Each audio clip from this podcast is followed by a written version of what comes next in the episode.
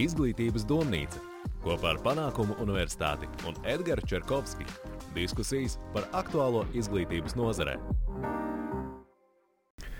Sveicināti, sveicināti, cienījamie panākumu universitātes klausītāji, skatītāji, visi, visi, kas nu mēs esam šajā mūsu lielajā izglītības nozarē.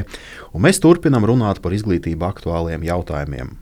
Iepriekšējā reizē, kad mēs tikāmies, mēs runājām par sportu, un man ir ziņas, tie, kas klausījās, Liene, kas toreiz minēja, ka piedalīsies maratonā, jau ir veiksmīgi startējusi. Tas notika 11. septembrī un jau ir uzrādījusi pietiekami labus rezultātus. Tā kā tie, kas skatījās iepriekšējo podkāstu, varat neuztraukties, viss ir labi. Sep septembris ir pietiekami izaicinošs, mums priekšā ir streiks, tā kā mēs arī runāsim par šiem jautājumiem, jaunais izglītības standarts un vēl ļoti daudz smagas tēmas. Bet, lai to visu varētu paspēt un lai par to visu varētu runāt, ir vajadzīga vieta un laiks arī iedvesmai. Tāpēc šodien mēs esam uzaicinājuši patiešām iedvesmojošu cilvēku. Es biju pārsteigts, kad es ieguvu informāciju par to, cik daudz mm, teiksim, mūsu viesis ir izdarījis un cik daudz vēl ideju ir priekšā. Tāpēc es domāju, ka šis podkāsts būs ļoti interesants gan skolotājiem, lai saprastu, kā motivēt jauniešus, gan arī pašiem jauniešiem, jo mūsdienās ļoti svarīgi ir piemēri. Un es domāju, ka Rojas Puķe, jeb arī sabiedrībā labi pazīstams kā pipars, būs īstais cilvēks, kurš pastāstīs par to, kā motivēt sevi un kā sasniegt dzīvē to, ko mēs esam vēlējušies. Tā kā tādu mūsu šodienas viesi jums priekšā Rojas Puķe, Kulnārijas blogeris, uzņēmējs, iesaistās ļoti daudz sociālajos projektos, vairāku nopietnu, patiešām balvu laureāts. Roja mums ir ļoti laba tradīcija. Mēs sākotnēji vienmēr ļaujam viesiem izpausties, pastāstīt par sevi. Tā kā droši stāsti, kas tu esi, ar ko nodarbojies un kādi ir tavi tuvākie plāni un kādas idejas. Jā, um, pēc profesijas esmu kulinārijas blogeris. Tas ir tas, ar ko es saistu savu ikdienu, bet uh, arī aktīvi piedalos visos tādos labdarības pasākumos. Es tos organizēju, rakstu grāmatas, mm, man ir pieredze arī uzņēmēju darbībā, um, un vēl visu kaut ko citu daru. Um, jā, nu, primāri esmu kulinārijas blogeris, ar to nodarbojos jau kopš 9 gadu vecuma, tā kā man šobrīd ir 17, sanāk, ka 8 gadi jau ir pagājuši. Kopš es sāku, un uh, es kļuvu popularitāti kā YouTuberis. Tagad es vairāk darbojos Instagram platformā. Um, daudz mani sauc par influenceri, man personīgi tas vārds nepatīk. Um, nezinu, man šķiet tā tāda lielīšanās. Uh, un arī pirms pieciem gadiem es uh, sāku savu ceļu labdarības pasaulē. Uh, rīkoja pirmo labdarības burgeru ballīti. Tagad tas arī notiek katru gadu. Šogad bija pēdējā, piektā labdarības burgeru ballīte, bet tas nenozīmē, ka tas ir pie, pēdējais labdarības pasākums. Noteikti būs uh, vēl un vēl. Jā, kā arī 2019. gadā sakarā ar šiem labdarības pasākumiem un vispār manām labdarības kampaņām, es saņēmu balvu Latvijas lepnums 2019. Um, jauniešu iniciatīvu. Un, un, un uh, esmu ticis arī daudzos citos sarakstos, uh, Forbes 30 līdz 30. Esmu ticis divus gadus pēc kārtas, gan ar uzņēmēju darbību, gan ar sociālajiem projektiem. Un esmu arī saņēmis Latvijas tiesību sarga gada balvu ja es nešaubos, arī divus gadus pēc kārtas. Viens bija man, un otrs bija manai maiznīcai. Jā, tas ir ar ko es uh, biju saistījis savu uzņēmēju darbību. Kāpēc tu minēji, bija? Tāpēc, ka šī gada vasaras sākumā es vairs neatceros uh, datumu konkrētu, bet, um, diemžēl, maiznīca, laba maize, uh, kas bija mans projekts, um, izbeidza savu darbību. Mm -hmm. nu, mēs par to vēlāk parunāsim, tāpēc, ka mm -hmm. tur noteikti ir kaut kādi iemesli, kāpēc tā notika. Jā. Tāds ļoti interesants arī tu minēji, jā, tu minēji influencerismus, un es vienmēr arī par to esmu domājis, jo mums Latvijā tiešām diezgan daudz ir termini. Ir blogeris, youtuberis, influenceris. Kā tad īsti kā to pareizi uztvert? Jo es zinu, ka mums tomēr, manuprāt, ir arī Latvijas influenceru asociācija. Vai tu tur darbojies, vai tu tur esi iesaistīts, vai viņi jau ir likvidēti, vai kā tur īsti ir? par to influenceru asociāciju es īsti neko nezinu, neesmu tajā ļoti iedziļinājies, bet um, runājot par to, kāda ir atšķirība starp visiem šiem dažādiem terminiem, nu, tas viss ir nosaukumā. Uh, visbiežāk izmantotais man šķiet starp visām platformām tas ir influenceris. Mm -hmm. um, tas nāk no angļu vārda influence, tu, ka tu ietekmē kādu. Mm -hmm. uh, tehniski varētu teikt, ka esmu influenceris, jo um, noteikti manas izvēles un mani ieteikumi uh, ietekmē citus cilvēkus. Um, daudz cilvēku vadās pēc mana piemēra. Uh, to esmu pamanījis, bet um, tā kā es baigs, vēlētos sev dot to titulu, ka es ietekmēju citus cilvēkus. Nu, Um, tas nav tituls, ko man dot sev, tas ir tituls, ko citi varētu dot man. Tā kā es sevi tā nesaucu, bet noteikti sevi saucu par Instagrameru, un kādreiz saucu sevi par YouTuberu. Tas atkal tas ir konkrētās platformās, kurās tas tiek darīts. Blogeris tehniski var arī saukt jebkuru no šiem sociālo mediju pārstāvjiem, bet uh, tur arī ir pašam savs, pieņemsim, tad, kad es sāku savu to kulinārijas gaitu. Ja, uh, Uh, tad es biju tikai blogeris, jo man bija sava mājaslapa, uh, vēl joprojām ir uh, Pipars LV. Jā, droši. Jā, un, un, un, un, un es tur aktīvi darbojos, vēl joprojām. Uh, un ar to es arī sāku, tā kā es jau no pirmās dienas, kad centos internetā iegūt kaut kādu imidžu, atpazīstamību, darīt kaut ko, zin, kā lai būvētu savu nākotni. Uh, es jau sevi saucu par blogeri. Mm -hmm. Jā, tas tiešām ir interesanti. Un arī tu stādījies priekšā, kā tu minēji, mana pamatprofesija. Jā. Jā, tas patiešām ir interesanti. Es atceros, vēl, kad es vēl pats studēju, tad uh, mums bija tāda ļoti interesants, uh, in, interesanta lekcija, kas saucās Nākotnes biznesa stratēģijas. Mm. Un, un tas bija kādā 2009. un 2010. gadā. Nu, ja mēs piemēram atceramies, Facebook ir radījis 2004. gadā. Var iedomāties, kad tas bija. Un, un tad toreiz mums pasniedzējis, mums bija tāds Maikls Levins, um, General Motors marketinga daļas vadītājs, zināms, diezgan cilvēks pasaulē. Viņš mums stāstīja par nākotnes profesijām. Un viena no tādām profesijām arī bija tā influenceris, un tur bija minēti arī teiksim, YouTuberi, kas toreiz YouTube, nu vēl cik nu viņš attīstījās. Un tā, un man toreiz likās tā baigi interesanti, bet tagad mēs patiešām esam aizsnākuši līdz tam, ka tā ir pamatprofesija. Mm. Par to arī tā, tā otra daļa, kas ļoti daudziem arī interesē, protams, tā ir tā peļņas daļa.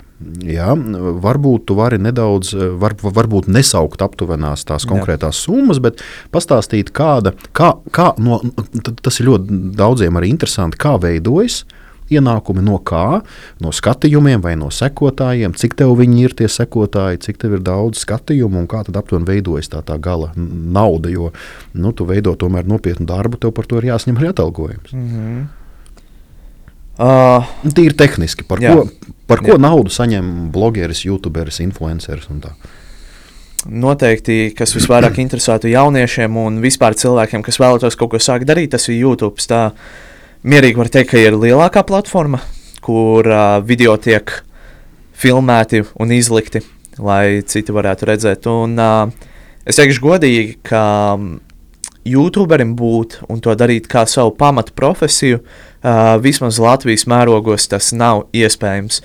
Um, es uztaisīšu tādu mazu perspektīvu. Man YouTube ir, es neatceros, cik skatījumi, bet 13,000 sekotāji. Uh, un man ir daudz video, kur ir sasnieguši 100 tūkstošus skatījumu, 80 tūkstošu skatījumu. Man ir kādi 100 video noplicēti. Es, es sen neesmu gājis savā YouTube kanālā. Um, arī par to tūlīt pastāstīšu, kāpēc. Um, bet kopā pa visu to laiku esmu nopelnījis tikai 120 eiro no YouTube. To, ko YouTube dod, um, tad vispirms tev ir jāiegūst monetizācija. Tad tas ir pirmais, pie kā tu strādā. Tev vajag konkrētu um, skatītāju to doto laiku. Ja? Tā tad ir konkrētas stundas, kas ir jānoskatās uh, visiem skatītājiem, un tikai tad tu saņemsi to monetizāciju. Tad vēl nāk tas, cik ļoti tavi video ir atbilstoši uh, šiem cilvēkiem, kas vēlas reklamēt savu produktu. Ja? Jo tur arī ir um, dažas tādas lietas. Angliski būtu termins favoritism. Es nezinu, kāds būtu pareizi latviešu, bet um, noteikti, ka dažas nišas uh, citi gribētu reklamēties, un citi negribētu dažās nišās, un, un, un um, to arī YouTube tajā sistēmā tas ir ielikts iekšā. Uh, un tad sanāk, ka varbūt monetizāciju iegūt ir sarežģītāk. Uh, nekā tam vajadzētu būt. Un uh, no tā parasti arī cilvēki nobīstās. Ai, nu man ilgi vajadzēs uh, uh, strādāt pie tā, un es arī teiktu, ka īstenībā Latvijas mērogos kaut ko normālu nopelnīt no YouTube tas nav iespējams. Um, tikai dēļ šīs sistēmas, jo um, līdz tu iegūsi to monetizāciju, līdz tu saņem tos līdzekļus, um, paiet kāds noteikts laiks, un, un, un tad nu, tu jau esi ieguldījis vairāk kā gadu minimums. Es teiktu, vismaz Latvijas tajā tirgu, jo mums uh, nav tik daudz skatītāju, cik ārzemēs. Nu, tad, iespējams, ja tu veido kontekstu angļu valodā, es zinu, ka ir daudzi uh, satura veidotāji, kuri tiešām tā sev pelna iztiku, bet um, nu, Latvijā tas nav iespējams Varbūt var izdzīvot, um, ja tu, ja tu taisi tiešraides YouTube un Twitch platformās, uh, jo tur tev ir arī donācijas, mm -hmm. tā kā ziedojumi. Uh, es pats nelietoju to terminu ziedojumi, jo nu, man, man viss kārtībā, man nevajadzīgi, ka man cilvēki ziedo, bet um, tas ir vairāk tā kā palīdzēt um, ar šo pelnīt iztiku, lai to varētu darīt vairāk un biežāk. Uh, varbūt tādā veidā var tiešām izdzīvot, uh, izmantojot tikai YouTube kā savu pamatprofesiju, bet um, savādāk es teiktu, ka tas īsti nav iespējams. Um, var iegūt vēl sponsorships ārpus uh, mm. to, ko YouTube piedāvā, visas tās reklāmas un tā tālāk. Um, Bet tur atkal tev visticamāk būs pašam jāiet un jāmeklē klienti, kas vēlētos reklamēties. Un tad atkal ir tāda lieta, ka um, tev ir jāmeklē tiem, kuriem interesē tava konkrētā mm -hmm. niša. Um, noteikti populārākā lieta, kas notiek YouTube, tas ir video spēles. Uh, un ar to esmu arī dzirdējis, ka tieši visvairāk jaunieši un bērni vēlas asociēt savu YouTube karjeru tieši ar video spēlēm. Nu, un, uh, es uzreiz varu pateikt, ka tas ir ļoti. Um, ļoti plašs community mm -hmm. izveidojies. Jo um, es teiktu, ka vismaz puse no YouTube kanāliem, kas ir izveidoti YouTube, viņi ir tieši konkrēti ar video spēlēm. Nu, tad sanāk tā, ka tie, kuri vēlas reklamēt sev pie video spēļu uh, baudītājiem, tad sanāk, ka viņi jau ir sev atraduši tos, kuri viņi vēlas sponsorēt, un tie visticamāk ir kādi lielāki cilvēki. Ja tur mazākiem youtuberiem nav iespējas, tā kā nu, tev vajadzētu saņemties un, un tā kā saprast, ka pirmos pāris gadus tu īpaši neko mhm. tiešām nepelnīsi. Ja tu, ja tu jau saproti, ka tu tomēr ar to vēlies asociēt savu nākotni un, un, un um, strādāt šajā YouTube platformā, tad um, tur paies ļoti daudz gadu, līdz tu tiešām to varēsi pārvērst par savu mhm. pamatu profesiju. Un tā, ja tev tomēr sanāk atrast kādu sponsoru, mm -hmm. uh, nu tad uh, atkal tur ir jāskatās, cik viņi būtu gatavi tev dot. Jo um, parasti tie, kuri piesakās, tās ir tādas mazākas kompānijas, kuri vēlas, lai tu viņus reklamē. Uh, jo reti, kad lielās kompānijas nāks pie tevīm, um, konkrēti YouTube un visās tajās spēles nišās. Varbūt, ja tev ir kāda mazāka niša, uh, kā piemēram, man bija kulinārija un ir kaut kāds mm -hmm. kulinārijas brands, kas vēlētos tevi atbalstīt, nu tad tur noteikti ir pavisam vienkāršāk, bet tev tāpat ir jāiegulda tas darbs, lai tu gūtu to atpazīstamību. Jo sanāk, ka jo mazāka niša, jo mazāk tie satura patērētāji. Nu, un tad uh, tev arī uzmanīgi jāizvērtē to, vai tev to sanāks veidot to kontekstu, vai tu tam esi gatavs. Respektīvi, um, šīs dienas tas vārds ir apņēmība, cik tu esi gatavs apņemties un to darīt. Nu jā, tā kā cienījamie klausītāji, skatītāji, esiet pietiekami uzmanīgi, klausieties arī padomus. Tas nav nemaz tik viegli, kā mums bieži vien izliekas.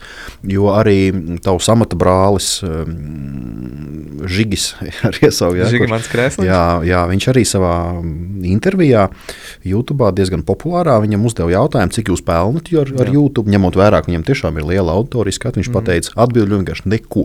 Tāpēc, ka sākotnēji tas tā ir. Bet, bet, bet, bet tik un tā mums ir piemēri piemēram, man uzreiz nāk um, Latvi, laikam, piemērs Latvijā iPhone skola, kas savulaik, manuprāt, veiksmīgi izgāja uz. Nē, ne, ne esat dzirdējis. Ne? Nē, Uzņēmums tāda tā arī saucās, kā iPhone skola. Kad 17. gadā viņi izgāja uz pasaules tirgu, un viņiem 18. gadā par viņiem arī bija vesels raksts Forbesā.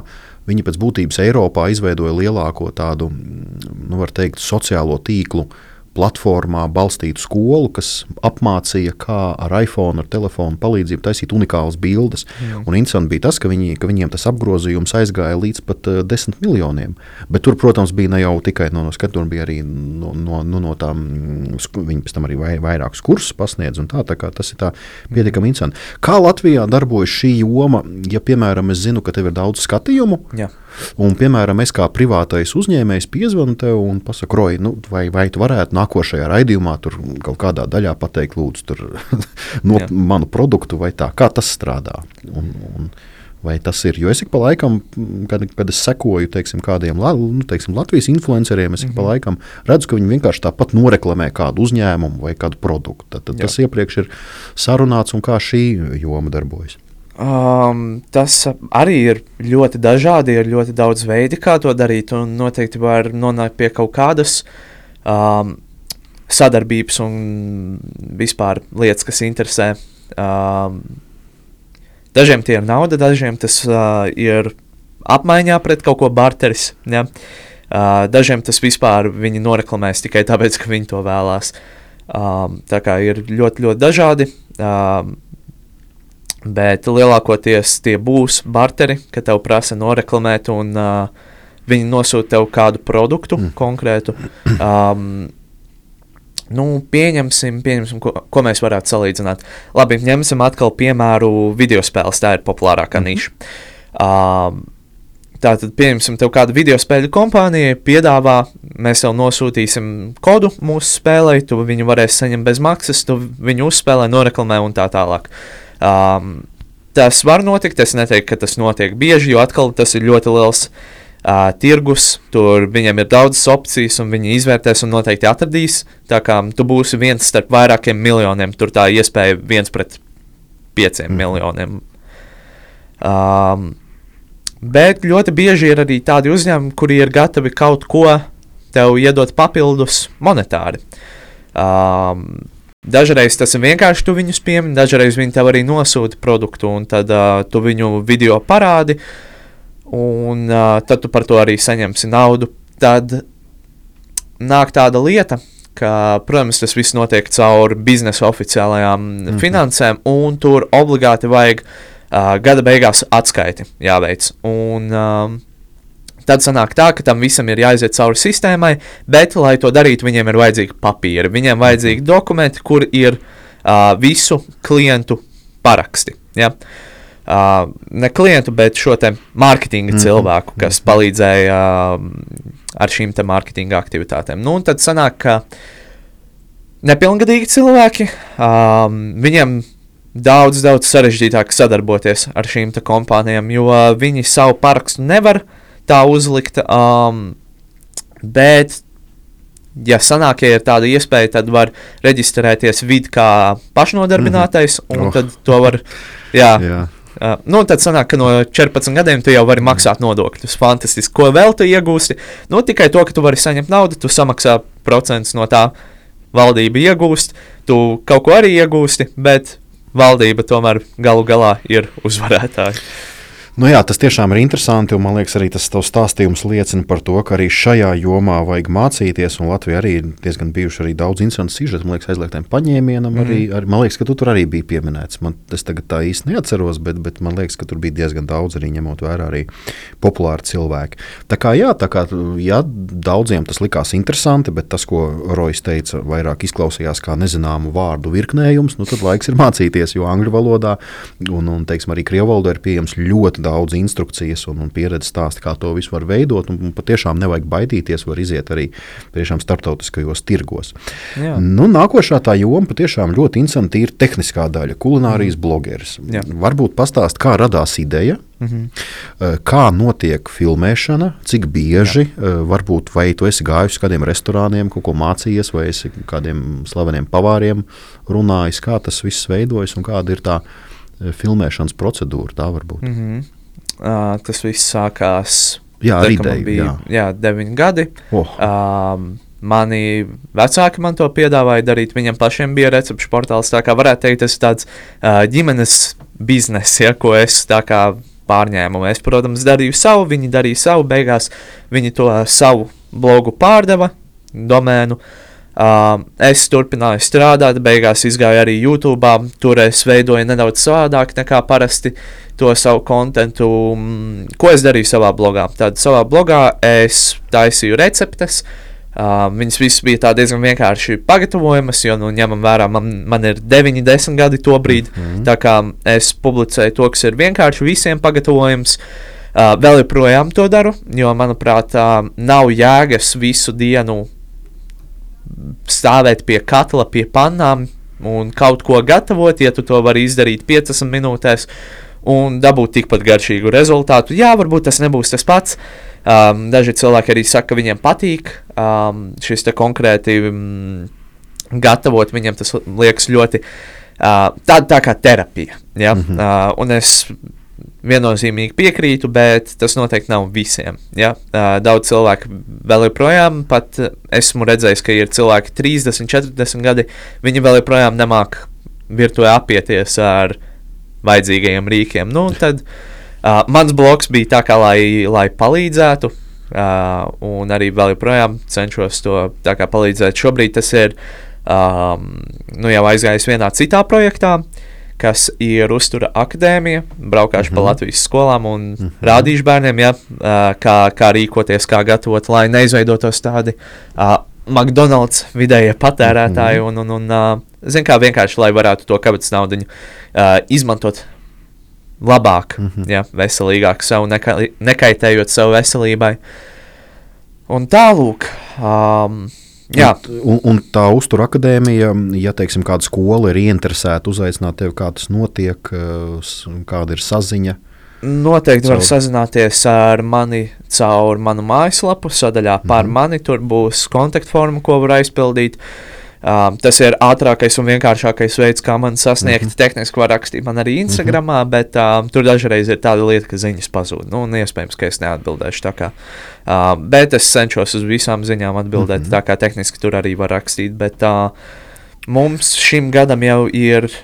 Nu, tā tad cik nedēļas ir 40 nedēļas mm. mācību gadā. Jā. Tātad 40 skolas. Mēs plānojam vienu skolu nedēļā. Mm -hmm. Mums jau ir 60 skolas. Ah, skaidrs. Um, bet bet lieta labi. tāda, ka mēs arī esam ieplānojuši varbūt dienā vairākas skolas un varbūt nedēļā vairākas skolas. Mm -hmm. kā, uh, tas ir jāskatās, tad, kad būs brīva vieta. Nu, tad -hmm. noteikti var pieteikties. Šobrīd var vēl sūtīt pieteikumus, un tad jūs būsiet tā kā rindā. Mm -hmm. Uh, Tālāk. Un tās vairāk ir vidusskolas, pamatskolas, vai jūs plānojat apmeklēt arī profesionālās skolas, kur apmāca pavārus? Nē, tā, nē. To, to mēs neplānojam, mm -hmm. jo tur jau ir uh, Jā, savi cilvēki, kas to ir. dara, un tur ir kaut kāda pa, padziļinātāka saprašana mm -hmm. jau par kulināriju. Ja, mm -hmm. Mūsu mērķis ir uh, bērniem no 7 līdz 14 gadu vecuma. Uh, nu, kaut kur tā var arī plus mīnus, mm -hmm. bet uh, tas ir primāri. Uh, pastāstīt viņiem, kas ir pareizs uzturs, tāds sabalansēts uzturs un uh, pastāstīt, kādi produkti ir labi, kāpēc viņi ir labi, kāpēc tie produkti ir slikti un tā tālāk. Un, um, Tā. Nu, nu jā, mēs, mēs iepriekšējā raidījumā arī runājam par jauno teikt, stud, nu, mācību stundu, kas saucās Sports un veselības mācība. Un tajā jā. veselības mācībā tieši ir par veselīgu uzturu. Tā kā ļoti labs arī, mm. ļoti, manuprāt, ideja Bet ļoti laba. Es arī teiktu, ka dažreiz izglītības iestādes viņi, um, zin kā, Grāmatas viņas noveco, ja informācija jā, jā, grāmatās jā. noveco. Nu, tad bieži radās tādas situācijas, ka šī informācija, kas ir pasniegta skolēniem grāmatās un uh, vispār izglītojošā materiālā, viņas bieži vien ir vecas mm -hmm. un vairs, nu jau modernā zinātnē ir pierādījusi, ka tā vairs nav pieņemsim.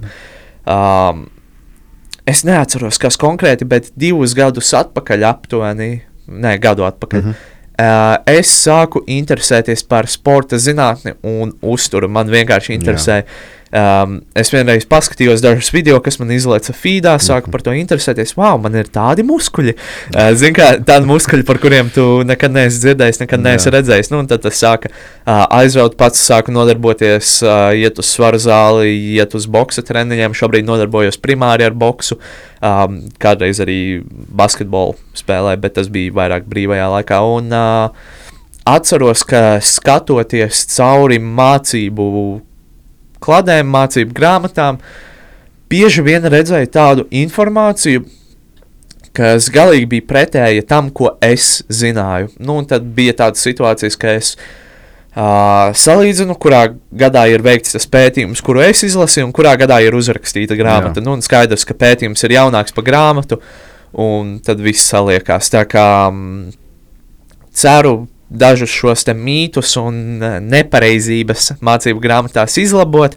Uh, šobrīd izmantošu arī man tūlīt būs mācos Rīgas tālmācības vidusskolā, man tūlīt būs uh, medicīnas pamatu klase. Tā kā ceru arī kaut kādas zināšanas no turienes iegūt. Un, un, un, Tā. Tīri tehniski tas varbūt arī daudziem interesē. Tomēr arī mm, teiksim, tā ēdienu filmēšana, viss tur tomēr ir vajadzīga tehnika. Viss, kur tas notiek, to kāda īpaša studija, vai tas mājās notiek, Jā. vai tu īrē, vai kā, kā tas mēs, notiek? mēs gribējām par to parunāt, bet mēs kaut kā aizgājām prom no jā, šī temata. Um, es to daru pie sevis mājās, un um, vispār cilvēki, kas vēlas uzsākt veidot kaut kādu kontentu, tas nav obligāti. Uh, Uh, šīs superīgās, milzīgās kameras un, un, un mm -hmm. uh, fancy gaismiņas. Ja, to visu var izdarīt vienkārši stāvot pie loga. Uh, uzlikt, atstutēt savu telefonu, un pieņemsim, Mikija var nopirkt 2 eiro. Mm -hmm. Tāds telefons studētājs ar to pilnīgi pietiek. Var vienkārši pret, pret grāmatām atstutēt. Un tad sāc vienkārši kaut ko filmēt, kaut ko darīt es sāku savā istabā, ja, mm -hmm. tad, tad, kad man bija 12 gadi. Uh, trīs gadus pēc es uh, sāku savu kulinārijas blogu, nolēmu sākt arī YouTube gaitas. Un um, tur pēc kādiem trim mēnešiem, varētu teikt, es jau sāku gūt atpazīstamību. Mani pirmie trīs video klipi um, diezgan tā bija ar skatījumiem 100, 200, un tad beigās aizgāja. Ja? Man ļoti arī palīdzēja no manas skolas, ja? jo jā, visi jau, zināmā mērā, tad, kad kāds ir iesācis YouTube kanālu un tas tiek filmēts kvalitatīvi, jo nu, man bija tā, tas ekipējums vajadzīgais. Um, pat cik mani vecāki, viņi nodarbojās ar uh, savu kulinārijas blogu, recepšu portālu, tad bija jau viss šis superīgais ekipējums, nu, un tad es to izmantoju. Nu, un, zin kā, tad, kad skolā mm. kāds reāli sāk um, nopietni uztvert to visu YouTube lietu un dara to kvalitatīvi, tad noteikti arī klases biedri to pamana, un tas skolā jau tālāk izplatās. Un, un, un tā kā es domāju, ka man arī palīdzēja tas, jo man, es izliku savus pirmos video, un tad tie skatījumi uzlidoja. Ja? Tie skatījumi uzlidoja, un tad YouTube man sāka likt rekomendācijas. Tā, tā ir vēl viena lieta, kas ir ļoti svarīga. Pārliecināties, ka Tad, kad tu esi savā spicē, tu noturies tajā spicē un mēģini turpināt kāpt augstāk. Ja, jo tad uh, visi šie sociālie mēdīji nemetīs tevi zemāk. Ja, ja, tu esi, ja tu noturi kaut kādu līmeni, nu, tad viņi tev arī cenšas palīdzēt. Kas nav tā labākā sistēma, manuprāt, jo tad netiek dota tiem iespēja tiem, kuri, kuriem nepietiek laika to darīt, bet um, tas pavisam kas cits. Uh, un jā, sāku es savā istabā tad tas konteksts, ko es veidoju, tas bija pavisam, kā, kā viens no maniem sakotājiem to aprakstīja, stulbi, bet interesanti. Jā. ja? uh, es pieņemsim vāriju banānus, lai redzētu, kā viņi garšoja sildīju augstās tējas, jo nu, gala galā viņas saucās augstās tējas, kā viņas garšotu siltas. Um, garšoju pasaulē asākās nūdeles, pasaulē asākos čipsus, uh, skābākās konfekts, veidoju pasaulē skābākos dzērienus, blendēju burgeri ar frī kartupeļiem un kolu, uztaisīju tādu McDonald's smūtiju. Tā kā viss kaut kas tur ir darīts, cilvēkiem interesēja. Um, noteikti populārākais bija uh, tad, kad Kendamas vēl, mm. vēl bija tāda populāra lieta. Tad um, bija prankola, kur es centos samainīt Kendamu pret pīci, pīci pret Kendamu, uh, kas man arī izdevās. Ja? Um, Bija dažas Kendamas kompānijas, kur atnāca īpašnieks, um, konkrē, konkrēti Keka Kendama, Ingus jā, Rutulis. Jā. Uh, mēs viņu sapazināmies, un arī pēc tam uh, tie no manas skolas klases biedri viņu uzreiz bija, tu, tu iepazini Ingus. Jā. Uh, un, jā. Un, un, un tā kā tie bija mani populārākie video, kā arī hotdogu testi, ko es taisīju katru gadu, ja es nešaubos, notika trīs gadus pēc kārtas, tie bija mani populārākie video.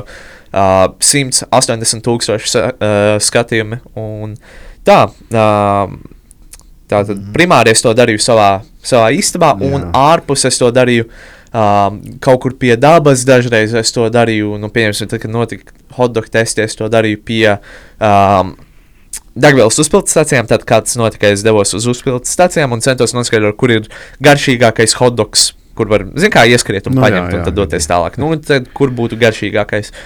Um, tā.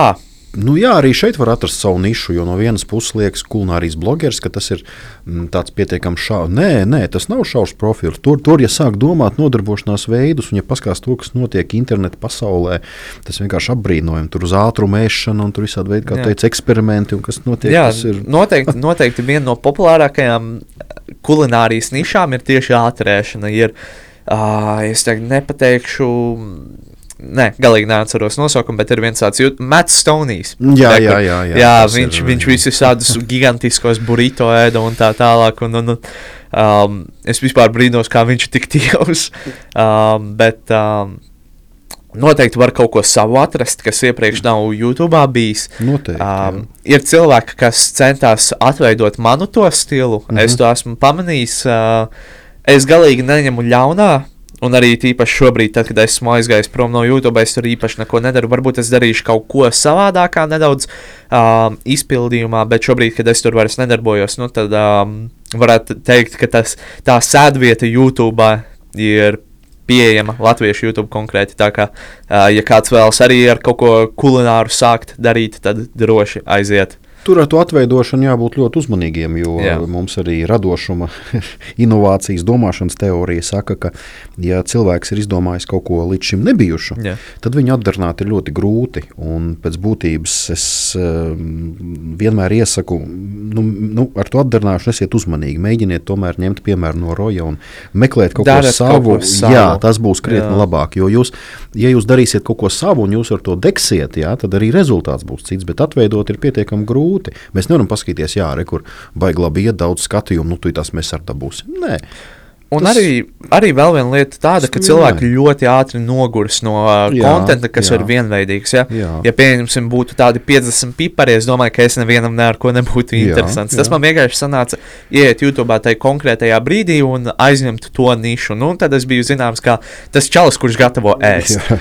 Tas, tas bija. Uh, Es arī tā esmu dzirdējis, ka man piesaka, tas čalis, kurš gatavo ēst. Un, un, un, Tu biji, uh, manuprāt, tu biji arī pirmais Latvijā tie, tieši kulinārijas blogeris. jā, jā, un ja es nešaubos, es vēl joprojām esmu viens no. Viens no. Jā, es neesmu redzējis, ka kāds aktīvi ar to nodarbotos. Mm. -hmm. Noteikti ir bijuši tādi one-off, tādi ik pa brīdim parādījušies Nu jā, klipi. Ir, nu, jā, tu, tā. bet tu, esi tas bij, tu esi bijis arī pie Roberto Meloni, vai Jā. ir bijis? Esmu, jā. Aha, jā. Un, un kā tur bija? Interesanti. Interesanti, jā, Roberto. Mēs vēl joprojām ar viņu draudzējamies, kad es biju pie viņa 2018. gads. Jā. Uh, tas bija tad, kad man tik, tikko iznāca mana pirmā recepšu grāmata. Uh, un mēs vēl joprojām ar Roberto draudzējamies. Šovasar es, tas bija šovasar, šovasar. Uh, es biju uz. Um, Viņam tagad ir raidījums jauns, kur viņš Sardīnijā viesojas. Jā, jā, jā, es esmu dzirdējis. Jā, bet, es bet bet, tagad pagaidām ļoti vēl- neveikli es aizmirsu, Jā. kā saucās tas raidījums. Bet um, uz Mūsu šo te- skatītāju komentāros ierakstīs par to, jā. neuztraukties. Uh, un es biju aizgājis uz šo pirmizrādes Jā, prezentāciju. un Tā kā mēs vēl joprojām ar Roberto draudzējamies, un, un, un, bet viņš ir tāda interesanta persona. Viņš arī Jā, novadīja ceturto, ceturto burgeru ballīti labdarības, kuru es rīkoju. Mēs viņu uh, piesaistījām kā vienu no vadītājiem. Nu, viņš, viņš ir reāls šaumenis. Nu, jā, jā. Un tomēr arī tā uzdrīkstēšanās arī tomēr atbraukt uz, uz, uz Latviju un mācīties valodu un visu un kļūt par populāru. Tas ir. E, Tu pieminēji grāmatu, tas ir nākošais solis, par ko es arī gribu parunāt. Jā. Tomēr grāmata tas ir tāds nopietns domāju, solis katra cilvēka dzīvē. Daudz skolotāji nav uzdrošinājušies, pasniedzēji, profesori, mm. daudz uzņēmēji nav.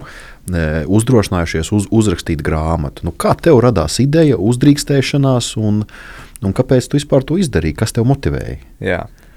Tagad, kad tu vispār piemini grāmatu, es, es atcerējos, ka mm, kaut kur dzirdēju tādu teicienu, ka um, slavenību dzīvēs Jā. Jā. ir divi augstākās, divas augstākās virsotnes. Tad, kad tev ir pašam savs realitātes šovs, un tad, kad tu esi izdevis pats savu Jā, grāmatu. jā, jā. Um, es, es tā neuzskatu. Man noteikti ir vēl kur augt un vēl ko darīt. Un um, noteikti neuzskatu to kā uh, savu to apex, to augstāko virsotni, tam, kas, ko esmu spējīgs darīt. Um, bet es strādāju jau pie savas otrās recepšu grāmatas. Uh, pirmā recepšu grāmata, kā vispār radās ideja, kāpēc ne? Tātad tas, tas bija kā radās. Um, lai gan es savā blogā rakstīju receptes, publicēju. Um, varētu teikt, ka mans bloks ir tāda digitāla grāmata, mm -hmm. digitāla recepšu grāmata. Tur vēl arī viss kaut kas cits ir izņemot receptes pētnīca, kur es salīdzinu produktus un, un, un uzturvērtību. Tur ir arī par. Pirmais posts bija, kā es kritizēju cīsiņu iepakojumus. bija, bija kaut kāda cīsiņa, kuriem bija, es atceros, izteikti drausmīgs iepakojums, tāds neizteiksmīgs un galīgi nepievērsts bērnu uzmanību. Tie bija kaut kādi bērnu cīsiņi. Un, un, un um, nu tā. Uh, Nu, pietiekami interesanti. Es domāju, jā. ka te varētu par to jā. grāmatā tiešām uzdrīkstēšanās. Un, um, es um, esmu arī pārsteigts, ka tev tas arī pašam patika, un, un ka tu arī strādā pie otrās grāmatas. Tā kā mēs jā. drīzumā visticamāk arī varēsim par novembrī. to kaut kur dzirdēt. Novembrī. novembrī. Jā, novembrī tiks izlaists. Es Valsts jau esmu svētkiem. nosūtījis visas receptes. mm -hmm. Nu jā, interesanti. Tā. Lai veicās. Arī man ir ideja par savu trešo grāmatu. Ja es jau esmu kaut ko tur iesācis, ta, tas, tas galīgi kaut kas pavisam savs, pavisam jauns. Man šeit nekad nav iepriekš Latvijā vismaz bijis. Tā kā es domāju, ka tas reāli būs kaut kas, kas uzspridzinās to latviešu recepšu grāmatu tirgu. Bet um, vispār runājot par grāmatām, nu pat cik. Um, Es domāju, ka daudziem varētu šeit interesēt, runā, runājot par grāmatām vispār. Um, kā līdz tādai grāmatai nonākt un, un, un vai ar to var nopelnīt.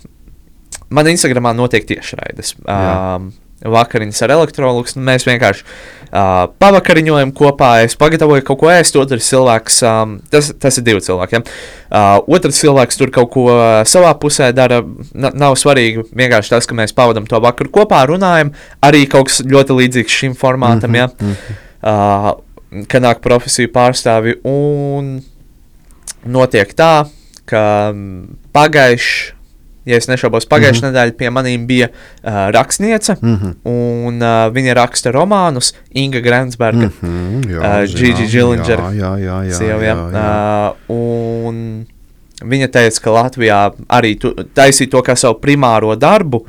Um, rakstnieks, nu, tu, tu, tu nenopelnīsi pietiekami daudz, lai varētu sev pelnīt iztiku. Tas kaut kas, ko tu vari darīt paralēli. Nu, cik tu vari arī runājot par recepšu jā. grāmatām, tas pavisam kaut kas savs. Ja tu romānu vari izdomāt, varbūt no kaut kā iedvesmoties, varbūt ne galīgi no, vienkārši no savas galvas, bet jau kaut kādu iedvesmu no reālās dzīves, um, to reāli ir izdarīt 40 dienu laikā, ja tad kā to Inga Grensberga mhm. izdarīja. Mm -hmm. Viņa sarakstīja to romānu 40 dienu laikā. Uh, tad recepšu grāmata tev ir jāizveido tas saturs. Nu, tev jā, ir vispirms jāizveido saturs, un tad tikai tu to vari norakstīt. Um, Un tad sanāk tā, ka tu ieguldi divreiz vairāk darba nekā nu, jā, je, jebkurš cits rakstnieks. Es gan nevēlos to teikt, kā, zin, kā sevi slavēt, bet um, tā ir vienkārši realitāte, ka recepšu grāmatām aiziet vairāk laiks. Un, jā, protams. um, bildes, un pie tam vēl viss, jā. kas ir ļoti svarīgi, un tās jā. receptūras, visu noteikti viss ir jāpārbauda. Tas, mm -hmm. Par grāmatām, jā, tiešām arī skatītājiem būs interesanti. Lato Lapsa vienā savā intervijā arī viņam jautāja, cik jūs pelnāt ar grāmatu sarakstīšanu. Viņš teica, Latvijā mm. tas ir tiešām hobijs, tas ir vairāk tāds varbūt kā papildu, papildu motivators, jo patiešām, nu, ja tas ir jā. interesanti un ja tu vari aiz sevis atstāt, un kāpēc gan ne? Un tagad es arī īstenībā atcerējos, es esmu tāds jā. cilvēks, kuram domas visu laiku iekšā ārā. Un, uh, aizmirstu par, par to tēmu, par ko mēs tik, tikko runājām. Bet uh, vispār runājot par to, kā es nonācu pie tās grāmatas, lai gan es teicu, ka man bloks jau ir tā Jā. kā e-grāmata.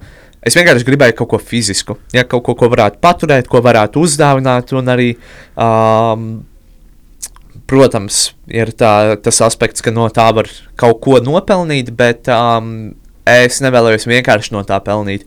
Es gribēju arī piesaistīt labdarību. Tā kā mm -hmm. grāmatas tas arī vēl viens labdarības projekts. Um, tam ir savs labdarības veids. Tieši par labdarību man bija nākošais jautājums, jo mm -hmm. man liekas, eh, tu jau esi sasniedzis tādu, teikt, tādu Amerikas, Amerikas līmeņa uzņēmēju, kuram ir savs uzņēmums, tad viņš saraksta grāmatu, tad viņš izveido labdarības biedrību.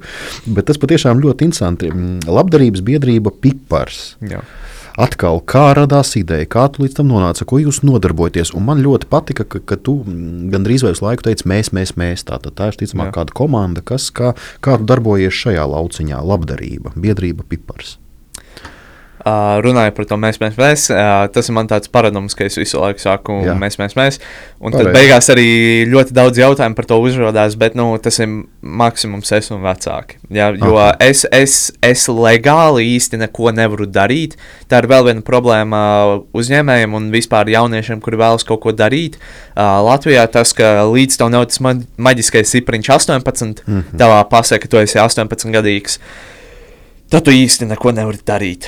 Ja tu nevari veidot savu kompāniju, tu nevari veidot savu labdarības biedrību, nu, tad tā sanāk arī nu, skaidrs, ka man nav mašīna, tā kā vecāki man arī palīdz pārvietoties. Un, un, un, um, respektīvi, ir tā, ka mēs, esmu es un vecāki, viņi man palīdz.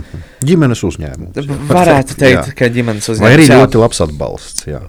Es vairāk, vairāk teiktu, ka Atbalsts, atbalsts. jā. jā. Jā, bet uh, vispār par. par, par um, Jā, kādi jums ir tie projekti? Tu minēji kaut ko par burgeriem. Jā, labdarības jūs burgeru jā. bet iemesls, kāpēc vispār uh, labdarības biedrība radās, ir, jo um, tas bija vēl viens veids, kā varētu tikt pie vairāk projektiem. Ja?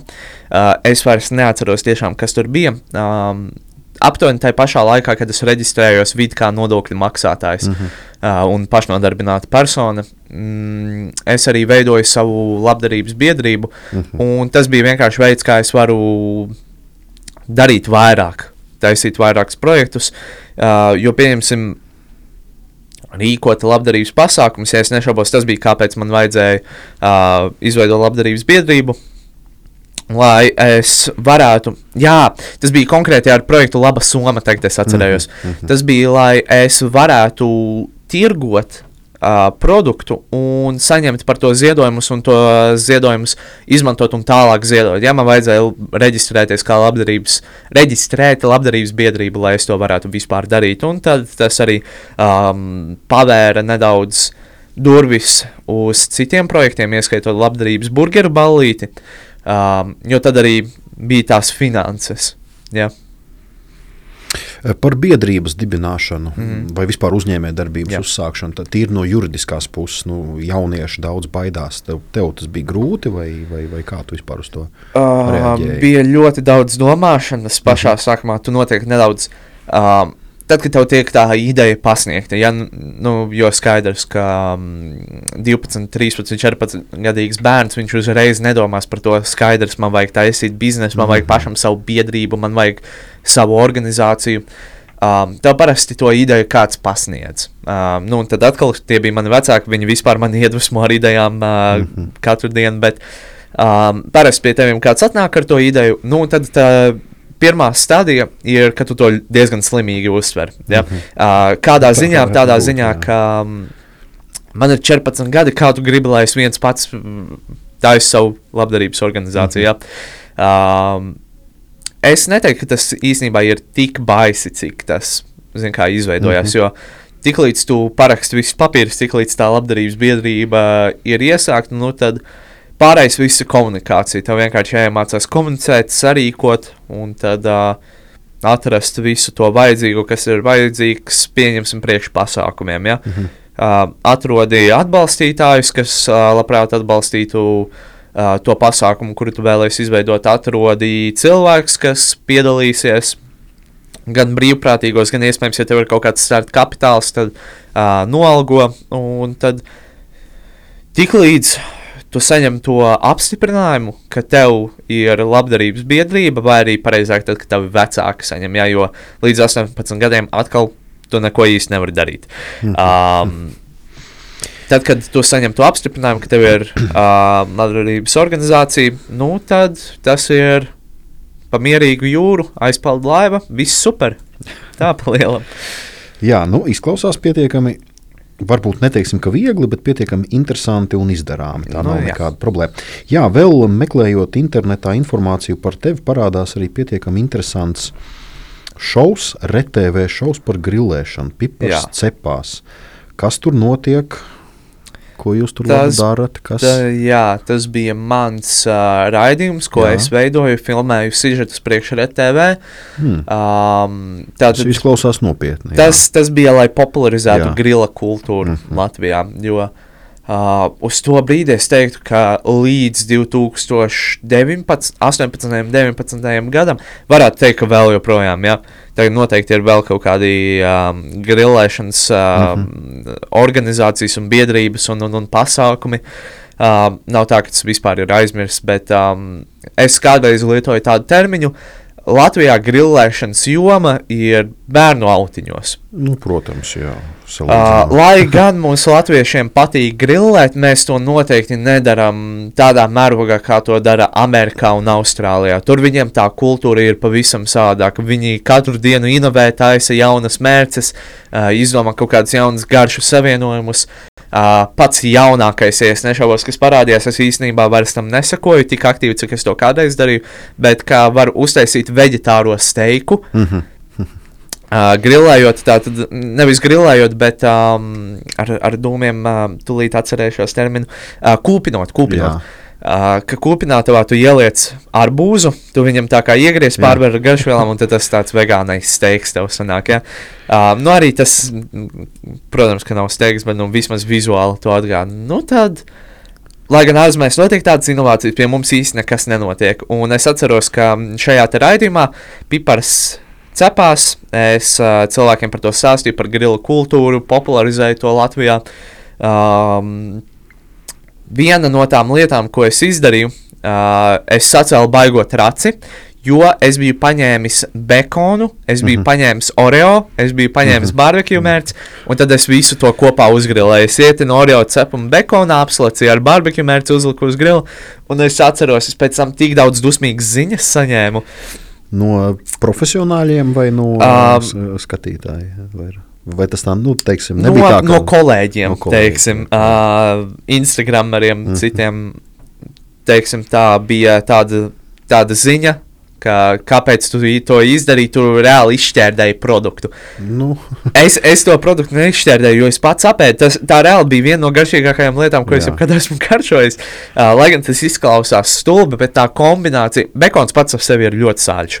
Oreo pats par sevi ir ļoti salds. Jā. Tātad, savienojot tos divus, tev galvā radās tā kā jackpots. Zini, kā te, tu ikdienā nesaņem tik daudz to kombināciju reizē, sāļš ar saldu. Tiklīdz tu viņu saņem, nu tad tas ir kaut kas jauns savām gāršu kārpiņām, tas ir nepierasts. Un šī kombinācija arī smadzenēm patīk. Ja? Tas uzreiz izlaiž visus tos serotonīnus un Nu, priecīgās ķīmijas. galu galā tas ir tavs šovs, un tu eksperimentē. Jā, jā, jā. un nekāds produkts netika izšķērdēts, visu to apēda, tas bija garšīgi, bet es tāpat tā saņēmu dusmīgas ziņas par to. Mhm. Ja? Cilvēki tāpat nevar saprast, ka nu, produkti tika Nu, jā. izlietoti un viņi netika izmesti. Nu, Jā, nu, var, varbūt vajag arī pašiem pamēģināt. Varbūt tas patiešām Jā, nav un es arī ieteiktu to izdarīt, jo tas ir, tas ir pavisam kas savs. Jā. Nu, ja mēs paskatāmies, kas notiek, dažreiz interesanti, un tomēr arī es nesen biju pirms pāris nedēļām uh, Ukru gāršā. Mm -hmm. Mums tur uzņēma viens uh, meža saimnieks un, Jā. Un tāds ēdiens kuģelis, uh, kartupeļi ar speķi, bet viņi pasniedz ar ievārījumu, nu, kas pēc būtības nu, īsti neiet kopā. Kartupeļu speķis, sīpola un ievārījums. Beigās tas bija apbrīnojami garšīgi, un galu galā arī vīna šniceli, manuprāt, pasniedz ar ievārījumiem, nekā tāda īpaša. Jā, ar brūkliņu ievāriem. Tas arī Zviedrijā ļoti, ļoti sena jā, tradīcija, ar ļoti gaļas, populāra kā gaļas gadījumā. Jā, nezinu. gaļas bumbiņas ar kartupeļu biezputru un tad uh, brūkliņu ievārījums. Tas vispār jau ir iecienīts un sen eksistē. Tā kā Ķīnā arī izmanto cukuru gan arī vai katrā saļā ēdienā. Brūnais cukurs, čili mērķis, tas viss ir salds. Barbekju mērķis arī Nu, salda. galu Mēs to tāpat pievienojam burgeriem. Nekas nenotiek. Nu, nevis nekas nenotiek, bet nekā traka. Nu, jā. Jā. Nu, jā, pietiekami interesanti, un, un mēs varētu runāt un runāt un runāt, bet laiks pamazām iet uz beigām. Mm. Vēl, manuprāt, ļoti svarīga joma arī ir eh, Latvijā tik ļoti pēdējos gados populārā sociālā uzņēmējdarbība, kas ir vesels novirziens. Nu, un, ja arī pameklē informāciju par tevi, tad zem šī te termina sociālā uzņēmējdarbība parādās divi projekti - laba soma un laba maize. Jā. Varbūt varētu sākumā nodefinēt, kas tad īsti ir sociālā uzņēmējdarbība, kā tu pats to saproti, un, un ko jūs darat labā somā un labā maizē. Jā, tad um, es varu pateikt, kā es, kā es Jā, veidoju šo sociālo uzņēmēju darbību. Tātad uh, mans ir pavisam, pavisam vienkārši. Ja? Tātad, um, lai cilvēks raisītu, lai cilvēks sāktu ziedot, lai pievērstu viņu uzmanību, tev ir jāsniedz kaut kas, lai pievērstu šo cilvēku uzmanību pirmajā kārtā. Ja? Un to visvienkāršāk ir izdarīt, izmantojot kaut kādu vainu produktu, kas ir garšīgs, vainu kaut kādu produktu, kas uh, pievērš uzmanību, mm -hmm. nu, zin, kā acīm patīkami. Tad radās tā pirmā ideja 2018, 17. un 18. gadā par projektu Laba Soma. Tātad, um, tas arī ir vēl viens veids, kā cilvēkiem likt ziedot kaut ko vēl piedodot, zin, kā, lai būtu pievienotā vērtība mm -hmm, tam, ko tu pārdod, lai būtu pievienotā vērtība, uh, ziedot, tad bija tāda um, laba soma. Vēl joprojām ir, būs dizaini, bet um, šobrīd tas ir nedaudz pauzi uzlikts. Tātad um, šie bērni, kam ir vajadzīga palīdzība, mm -hmm. Uh, lai viņiem būtu vienkāršāk iegūt līdzekļus, uh, viņi veidoja zīmējumus, un pēc tam šie zīmējumi tika pārtaisīti somas dizainos un likti uz somām. Un tad mēs pārdevām, katrs bērns no katras pārdotās somas uh, sava dizaina saņēma naudu, nu, tad viņš nevis lūdz palīdzību, mm -hmm. bet viņš pats to naudu mm -hmm. nopelna. Tā kā īsts mākslinieks. Uh, un kaut kas līdzīgs ir laba maize. Jā.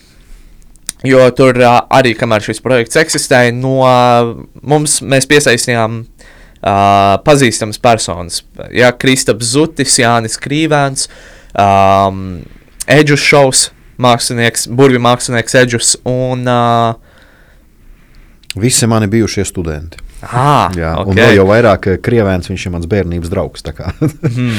pietiekami interesanti. Uh, un viņi veidoja pizzas, savas pizzu receptes. Uh, Un tad mēs šīs pitas pārdevām, Veidojam. un no katras pitas tika ziedots arī labdarībai. Tā, kā, um, tā manuprāt, ļoti svarīgi ir cilvēkam iedot kaut ko papildus. Nevis lai jā, vienkārši jā, tiek ziedots, bet kaut ko, kas varētu papildus motivēt, kam uh, pievienotā vērtība pilnīgi tas pats ir ar grāmatu. Ja? Mm -hmm. Arī no grāmatas tika ziedots labdarībai no katra pārdotā eksemplāra. Um, mm -hmm. Un tas arī bija veids, kā motivēt cilvēkus ziedot. Ja, jā. ja varbūt ne paši nopērk, bet tad, kad viņi pērk to kā dāvanu, tad tas ir vēl īpašāk, jo tur ir pievienotā vērtība, ka tu nu, jā. saņemot šo dāvanu, tu esi palīdzējis vēl kādam citam. Nu, tad tas suprīgi tāda lieta. Tu sākumā minēji par to maiznīcu. Tas ir, tas ir saistīts ar šo labu maizi, ja? vai nē? Maiznīca ir laba maize. Tā arī ir tā. Ja? Jā. Un, un kas tur beigās neaizgāja? Tur bija kādas. Um, Tas ir vairāku iemeslu dēļ. Mm -hmm. Varu minēt divus lielākos iemeslus. Tātad uh, pirmā lieta, uh, kas bija nu, šis pēdējais punkts. Jā. Uh, tas, ka nebija pieejami darbinieki. Darbiniekus, mm, klasiski, jā. Nu, jā, jā. Darbinieki, tas bija šī gada vasaras sākums, mm. un galīgi nevarēja atrast darbiniekus. Uh, tā ir problēma arī daudzām citām lietām pasaulē, ka tagad darbinieku trūkums neskāpēc. Um, Es pieļauju, domu, ka tas ir dēļ tā, ka bija Covid, un cilvēkiem tika izmaksāti lielāki pabalsti. Mm -hmm. Un tad, zināmā mērā, visiem ļoti komfortabli, kāpēc man par šo naudu uh, vajadzētu iet strādāt, ja es šo naudu tāpat saņemu, sēžot mājās, neko nedarot. Jā. Nu, jā. Un tad, um, pat cik tie pabalsti bija tik augstu, cilvēkiem galīgi nebija interesi strādāt to brīdi. Uh, Jā, nu. Daudzi nemaz nesaprot, ka tās jā. ir izaugsmas iespējas, mm -hmm. un ka iegūstot šādu darbu, viņiem arī būs kaut kas pēc tie pabalsti, atkal tiks pazemināti. Um, Un tālāk, tā kā nebija darbinieku, uh, un pats cik nebija darbinieku, mums nebija veids, kā izplesties. Mēs nevarējām celt to jaudu, jo tiklīdz aizgāja kāds darbinieks, jauda arī krita. Beigās sanāca tā, ka pusdienlaiks mēs visu esam izpārdevuši, jo uh, Uh, mums vienkārši nebija gatavas produkcijas. Nebija gatavas produkcijas. Jā, mēs visu cepām no rīta, no rīta un dienas laikā, bet, uh, ja darbinieki aiziet prom, tad nu, skaidrs, ka neko tur nevar izdarīt. Mums bija tāds plāns, ka mēs arī uh, uztaisīsim vairākas maiznīcas, un arī kulu uzpildes stācijās mēs pārdo, pārdevām mūsu produkciju. Mm -hmm. Bet skaidrs, tik līdz pazūd darbinieki, tad to vairs nevar izdarīt. Otra lieta kas uh, noveda pie, pie šīs maiznītes slēgšanas, bija tāda, ka um, Latvijā uzņēmējdarbība ir ļoti sarežģīta lieta. Uh, viena iemesla dēļ, ja tu esi kaut kāds maziņš bizness mm. ar mazu starta kapitālu, tev ir ļoti, ļoti sarežģīti izdzīvot, jo uh, tev nodokļi ir gandrīz vai tādi paši kā lielajiem. Mm. Ja, jā, procentuāli, jā, jā. ja mēs skatāmies uz tiem procentiem, uh, atšķirības nav, vai tu esi mazs bizness, vai tu esi liels. Atšķirība ir tāda, ka Uh, lielam biznesam viņam ir krietni vairāk līdzekļu, viņi var ar to iztikt. Mazs biznes viņiem ir sarežģīti, jo vēl ir jāizmaksā alga darbiniekiem, nav mm, uzkrājumi. Ja, ja, ja investors ir investējis, tad tev vēl ir jāsamaksā par investīcijām. Nu, tad tas beigās izveidojas tā, uh, diezgan sarežģīti, ka tie, kuriem ir uh, jau milzīgs bizness, vairākas ķēdes, varētu teikt, ka arī starptautiski, tad viņiem ir pavisam vienkārši, viņi samaksā tos nodokļus, viņiem ir kaut kāda rezerve, viņi var darīt pilnīgi ko, ko vēlās. Maziem uzņēmumiem nav tik vienkārši. To daudz arī min arī ļoti daudzās citās intervijās, ka tā tiešām problēma maziem jā, uzņēmumiem grūti jā. ir tiešām darbinieku trūkums un arī šie diezgan lielie nodokļi. Nu, es domāju, ka mūsu klausītāji klausās ar atvērtām mutēm, laiks skrien vējas pārniem. Tiešām ļoti interesanti, un es abrīnoju to, ko tu esi izdarījis. Un, un rodas tāds galvenais jautājums, nu, kā motivēt sevi. Nu, teiksim, klausītājiem noteikti jautājums, kā to var paspēt un kā tu motivē sevi. Jā. Tu minēji sportu, hmm. vai ir vēl kādi triki, teiksim, kā, tu, kā tu iedvesmojies, kas tev iedvesmo un kā tu vispār vis, vis, visu to savieno? Es neteiktu, ka ir, ir viena tāda lieta, ko cilvēki bieži vien pieļauj. Viena kļūda, varētu tā teikt, uh, sakarā ar motivāciju. Tas, ka cilvēki meklē motivāciju no uh, ārējām lietām, ja tādām mm -hmm. lietām, kas nav pašam sevī iekšā. Uh, tad, kad cilvēki vēlas uh, nokļūt pie, pieņemsim, naudas, tad, kad cilvēki vēlas. Uh, Tā pašā situācijā varam minēt, uh, izlaist savu grāmatu, tad, kad cilvēki kaut ko meklē, uh, uh, un cenšas pie tā nonākt, tad um, cilvēki nesaprot, tad, kad tu, sap, tad, kad tu pats apjēdz, ka tas mērķis, kuru tu sev esi uzstādījis, viņš ir tālāk nekā tu biji domājis. Tad tu līdz tam mērķim daudz sarežģītāk nonāc. Ja? Jo tad beigās tev zūd tā motivācija. Uh, kā nezaudēt motivāciju, ir atrast kaut ko sevī, uh, savā jūtās, kas tev ļaus turpināt. Tātad, um, Nevis kaut ko tiešām mēģināt noķert vēju un uh, iekļūt spicē, bet vienkārši atrast sevī to vēlmi un deksmi kaut ko darīt. Uh, tas arī novada pie tā, par ko mēs runājām pašā, pašā sākumā, uh, šī podkāstu uh, sākumā, ka jāatrod sava tā lieta, ko tu izbaudi, un tā sava niša. Uh, ar kuru tu vēlētos asociēt savu nākotni, ko tu vēlētos būvēt, ko tev pašam būtu prieks redzēt, pabeigtu. Ja, jo skaidrs, ka naudu vēlas katrs, bet um, tad, kad tu apiet, cik daudz laika ir jāiegulda, lai šo naudu nopelnītu, nu, tad daži cilvēki varbūt kā, nometa to cirkni pie zemes, mm -hmm. apgriežas otrādi, aiziet prom, pirms viņi ir tikuši līdz tiem dimantiem vai zelta. Nu, tad, Starp citu, studējot arī vadības teoriju, mums skaidri gaiši iemācīja, ka nauda nav motivators. Jā, tas ir stimuls, jā, bet tas ir arī ko bieži vien jauc. Un es atceros, ka mm, mums arī augstskolā, arī uzņēmējdarbību studējot, kas īstenībā strādā arī manā virzienā, mums vienmēr mācīja, ka primāri ir jābūt idejai un vēlmei, ko darīt. Mm -hmm. Un, ja tas tā būs, tad nauda sekos. Bet, Jā. ja tu pārsvarā orientēsies uz naudu, Jā. nevis uz ideju un to, kas tev patīk, tad tur raisīsies ļoti daudz citu veidu problēmas, na, kas nauda, nebūs. Nauda nav zinējis, nauda Jā. ir degviela. Jā. Varētu tā teikt. Tev ir jāatrod kaut kas, ka tev jāatrod tas pašam savs zinējs, un Jā. tad jāizmanto pārējās lietas kā papildus motivāciju, jā, kā jā, savus jā, jā. mērķus nolikt, bet um, noteikti ne, netaisa to kā savu galveno motivācijas no, faktoru. Jā. Un, protams, viss arī nav tik skaisti. Protams, naudai ir jābūt biznesā, ir jābūt jā. apgrozījumam. Mēs ļoti labi zinām, kas ir, kad naudas nav. Nauda, protams, ir ļoti svarīga. Jā, mākslinieks atrast jā. līdzsvaru. Jā, jā, starp to. Nu, un varbūt uh, tāda pēdē, pēdējais teikums jauniešiem, kas ar mums klausās. Nu, nu, nu, nu ko tie teikt jauniešiem? Nu, kā nesēdēt mājās un, un ko vajadzētu darīt? Ja ir kaut kāda vīzija, kaut kas, ko tu vēlēsies darīt, noteikti aprunājies ar vecākiem vai kādam citam, kas tev varētu palīdzēt un iesākt šo ideju. Jo um, tā ir problēma jauniešiem, ka pašvaldība viņiem neusticās.